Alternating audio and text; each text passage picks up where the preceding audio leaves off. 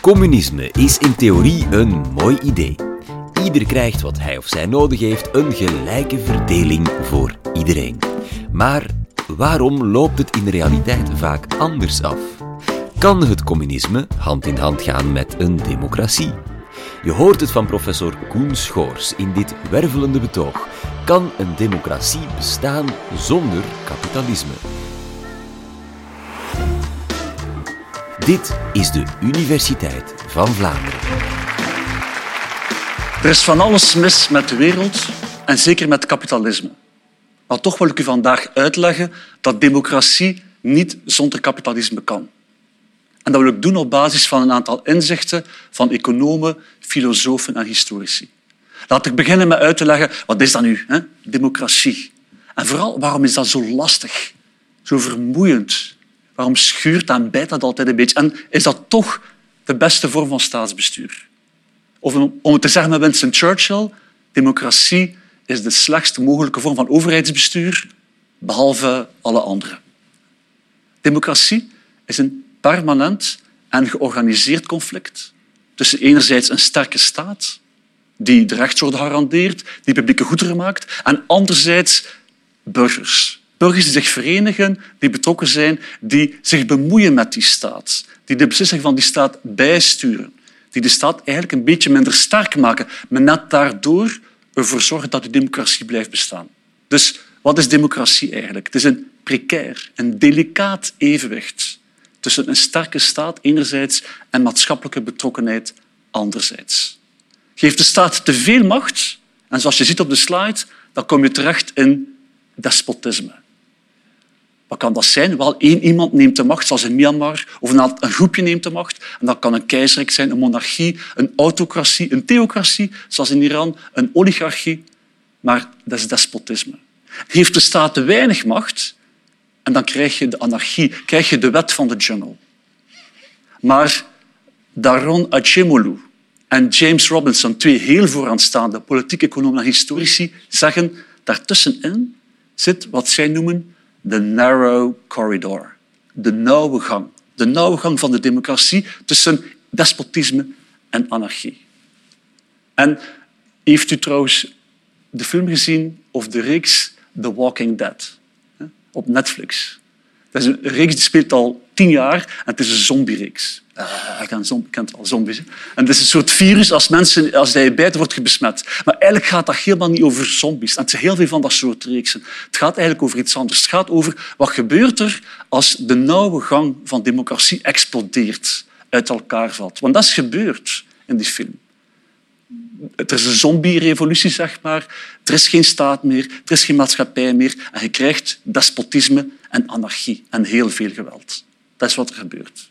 Natuurlijk, ik ben niet de eerste en zij zijn niet de eerste om te praten over de optimale staat. eeuwen geleden al was er Thomas Hobbes, een politiek filosoof, die zei van ja, eigenlijk dat is het probleem, al dat geweld, al die anarchie. En zijn oplossing was, we hebben een sterke staat nodig. Een sterke staat om de burgers te beschermen, om de rechtsorde te verzekeren.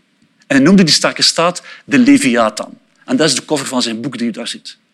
En waarom de Leviathan? Dat is een verwijzing naar de Hebreeuwse Bijbel. Daar was dat een zeemonster. Want die sterke staat moest de burger angst inboezemen. Moest inspireren tot volgzaamheid, tot gehoorzaamheid. Dat was het idee van Thomas Hobbes.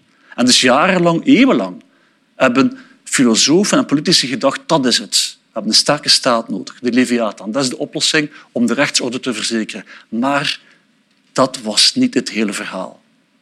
Wat gebeurt er eigenlijk als je de Leviathan te sterk maakt? Als hij te veel macht heeft, dan wordt hij despotisch. Dan bijvoorbeeld krijg je inmenging van de overheid in de vrije meningsuiting. Beperking van de vrije media. Opsluiten van oppositieleden. Dan krijg je wat je vandaag hebt in bijvoorbeeld Rusland en China waar de oppositie onder voorwendsel gewoon in het gevangen verdwijnt. Dan krijg je een dictatuur, zoals in Noord-Korea. En zoals je net hebt gehoord, ook in Europa zijn er landen, zoals Polen en Hongarije, die eigenlijk knabbelen aan de vrijheden van hun burgers en zachtjes verschuiven van democratie naar autocratie, al zoals het illiberale democratie noemt. Maar het is natuurlijk een autocratie. En daarom, dat is ook de reden waarom communisme misschien wel democratisch kan beginnen, maar helaas nooit democratisch eindigen.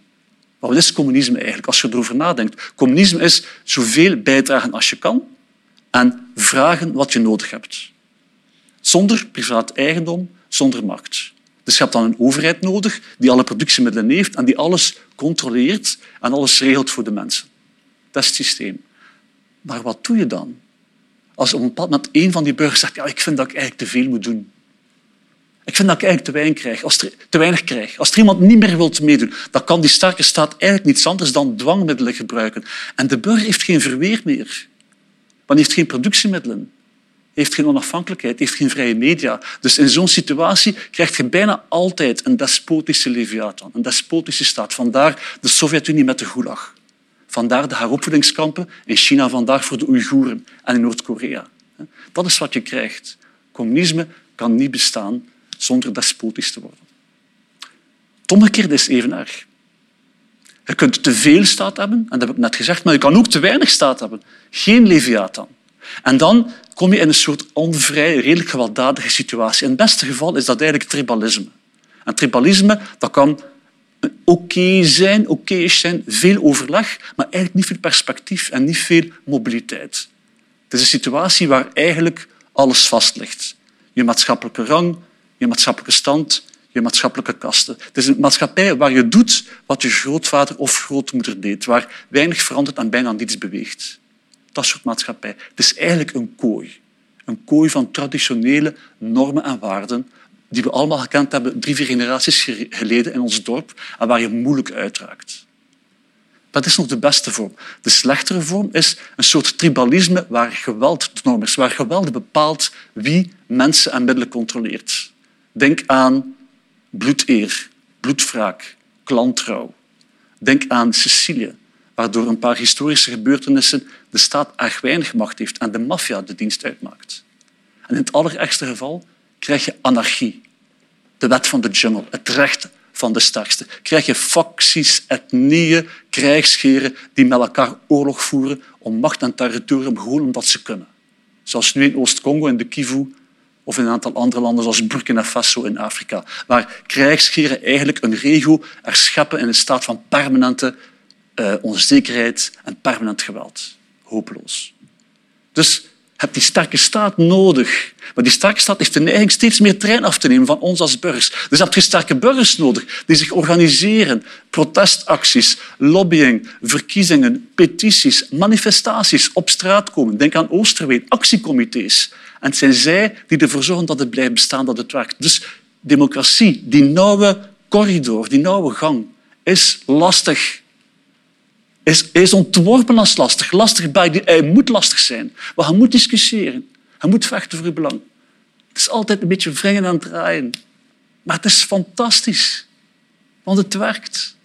Het is in die nauwe gang dat we uiteindelijk slavernij hebben afgeschaft en nergens anders. Het is in die nauwe gang van democratie dat we uiteindelijk algemeen stemrecht hebben gekregen voor iedereen. Is in die nauwe gang van democratie dat we uiteindelijk algemeen onderwijs voor iedereen hebben gemaakt. En een hele hoop andere revolutionaire veranderingen die de wereld hebben verbeterd. Het is in die nauwe gang alleen daar dat je vrijkomt van die kooi van traditionele normen en waarden en toch niet valt onder het juk van een despotische staat. En dat gevecht tussen staat en burgers noemen de twee auteurs waar ik het over had, Achemolu en Robinson, dat noemen zij het Red Queen effect. En het Red Queen effect is eigenlijk een verwijzing naar een boek van Lewis Carroll, Through the Looking Glass, of Door de Spiegel, de opvolger van Alice in Wonderland.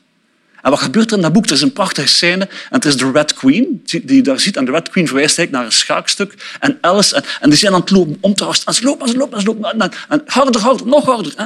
En op een bepaald zegt Alice, maar ik blijf ter plaatse. Ik zie altijd dezelfde omgeving. Als ze dan stoppen, zegt ze... in mijn land, uh, Rode Koningin, in mijn land, als, als, als ik zo lang ren en zo hard als wij gedaan hebben, dan kom ik meestal ergens anders terecht. En de Rode Koningin antwoordt... Dat is een traag soort land. In mijn land moet je zo hard rennen als je kan om gewoon al ter plaatse te blijven. En als je wilt vooruitgaan, moet je nog twee keer zo hard rennen. En dat is een metafoor voor democratie. De burgers, betrokken burgers aan de staat, rennen heel hard tegen elkaar, alleen al om de democratie in stand te houden. En als ze echt vooruitgang willen maken, moeten ze nog twee keer zo hard rennen. Maar dat is cruciaal. Want door samen zo hard te rennen worden we samen beter. Creëren we samen een nieuwe maatschappij met nieuwe rechten, creëren we de nauwe gang van democratie. Dus je hebt dat Red Queen-effect nodig. En dat brengt mij bij kapitalisme. Daarom is het kapitalisme nodig. Wat bedoel ik dan specifiek? En laat ik uitleggen echt wat ik bedoel. Ik bedoel hier privaat bezit dat je mag aanhouden en dat je mag verkopen op een markt. Als je privaat bezit hebt, wat betekent dat eigenlijk? Dat betekent dat je een huis kunt hebben, dat je land kunt hebben, dat je een eigen bedrijf kunt hebben, dat je eigen plannen kunt hebben, een eigen medie kunt hebben. Dat betekent dat je kunt je een bestaanszekerheid opbouwen vanuit waar dat je zekerheid hebt, dat je kunt verweren tegen een al te sterke staat. Dat betekent ook dat je kunt organiseren. Niet alleen een bedrijf, maar ook een coöperatie of een sportvereniging of een culturele vereniging. Of waarom niet een actiecomité of een partij of een vakbond. Je kunt vrije meningsuiting doen, maar dat private media, geen overheidsmedia. Dus ik bedoel met kapitalisme niet het neoliberale kapitalisme van winstbejag ten koste van alles en altijd maar privatiseren. Ik bedoel niet het neoliberale kapitalisme van de vrije markt heeft altijd gelijk, zelfs als de waardigheid van de mens in het gedrang komt. Ik bedoel niet het neoliberale kapitalisme van de multinationals, die geen belasting betalen en die de natuur om zeep helpen voor een beetje meer dividend aan aandelenkoersen. Maar ik bedoel het kapitalisme van private eigendomsrechten, die ons vrijheid van handelen bezorgen, vrijheid van mening bezorgen en vrijheid van oppositie bezorgen. Dat bedoel ik. Denk bijvoorbeeld aan onze Chinese vriend Jack Ma. Jack Ma, u kent hem of niet, Jack Ma is de oprichter van Alibaba, een van de grootste internetbedrijven van de wereld. Chinese miljardair, een van de rijkste mensen van de wereld. Hij uitte op een bepaald moment kritiek op de Chinese regulering en verdween voor maanden van het toneel. Niemand wist waar hij was, niemand wist of hij leefde. En toen hij uiteindelijk weer verscheen, zei hij sorry, sorry, sorry, ja, we gaan dat ding niet op de beurs brengen en ja, de overheid heeft toch altijd gelijk. Dat, dat is wat je krijgt als je Leviathan niet geketend is, als hij despotisch is. Hoe kunt je verzetten tegen een te sterke overheid als je voor je huisvesting of je hele levensonderhoud afhangt van de overheid? Hoe kunt je een eigen mening en inzicht verwerven als je alleen maar je kunt baseren op overheidsmedia of overheidsinstellingen? Hoe kunt je organiseren met alternatieve meningen als je zomaar kunnen opsluiten of erger nog eh, vermoorden? Zoals je bijvoorbeeld ziet in Rusland, waar Navalny, de grote oppositieleider, eerst bijna was vergiftigd en toen hij was genezen en terugkwam in Rusland, onmiddellijk werd gearresteerd op het voorwendsel dat hij, terwijl hij in Duitsland lag, niet naar de politie was gegaan om zich aan te geven. En dan in Wit-Rusland, die een vliegtuig kapen, een vliegtuig dat op weg naar Litouwen, om een journalist van de oppositie ervan te halen en in het gevangen te steken. Dat krijg je dan. Denk bijvoorbeeld aan Black Lives Matter. We zeggen altijd massa is kassa. Maar een democratie is massawijsheid. En Black Lives Matter is een prachtig voorbeeld ervan. Het is alleen maar door de actie van burgerrechtenorganisaties en burgers dat we zo'n beweging krijgen. En Black Lives Matter is de laatste ervan. En het is alleen zo dat we structureel racisme gaan kunnen uitroeien. Of denk aan die burgers van de klimaatactie. Die jarenlang agiteren, processen voeren tegen staten, tegen bedrijven. Shell, en nu uiteindelijk voor elkaar krijgen dat het klimaatbeleid serieus wordt, dat we iets gaan doen. Of denk aan die mensen die al 30 jaar vechten voor rechtvaardige fiscaliteit. En nu uiteindelijk gedaan krijgen dat de G7 zegt we gaan de multinationals zwaarder belasten. Dat soort dingen, dat is de kern. Hè? Zo gaan we vooruit. Dus ik wil niet zeggen natuurlijk dat democratie perfect is. Ik weet ook wel dat, er enorm veel ongenoegen is, ontevredenheid, politieke versplintering, polarisatie. Het ligt ook een beetje aan onszelf natuurlijk. Wij hebben politici benoemd tot de permanente zondebok van ons aller individueelste frustraties. Als dit fout gaat, uh, is gedaan. Als dit niet goed is, gaat die politie toch. Een aantal mensen zeggen zelfs, uh, met name sommige ondernemers, van ah, in China dat is toch nog zo slecht niet. Een verlichte autocratie. Ja, het gaat vooruit. Kijk, de economische groei. En als ze een treinlijn bouwen, wauw, zo snel. En ze nemen beslissingen. En kijk, corona hebben ze snel opgelost. En sommige anderen zeggen, misschien een technocratie. Hè? technocratie. Een regering van experts. Dat zou misschien nog zo slecht niet zijn. Ze zouden het overheidsapparaat een keer goed onder handen nemen. Ze zouden het overheidsbeleid een goede shot geven en het zou vooruitgaan, het zouden dingen gebeuren. Dat, is misschien nog dat is een idee. Wat, wat denkt u daarvan? Dat is toch veel gemakkelijker. Nu discussiëren over salariswaardes, terugdraaiende meters en dit, dat is lastig. Ik zou liever hebben dat zoiets is als achtergrondmuziek op de barbecue. Heb je dat gehoord van de minister? Ja, ja, ja. Pintje? Ja, pintje. Nee, zo werkt het niet.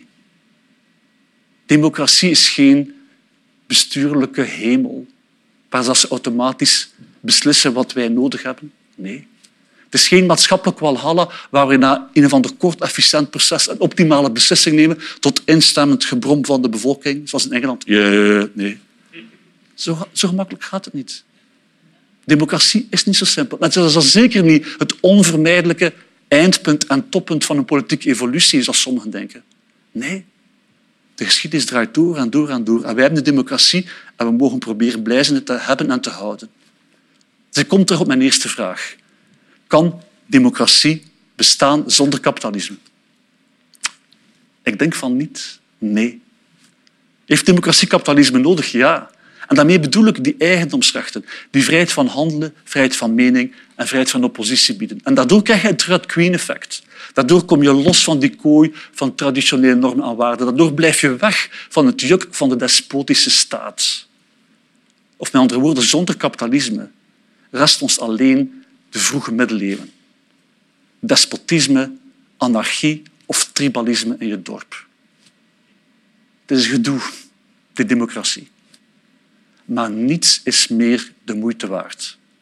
En niets wat de moeite waard is, komt vanzelf.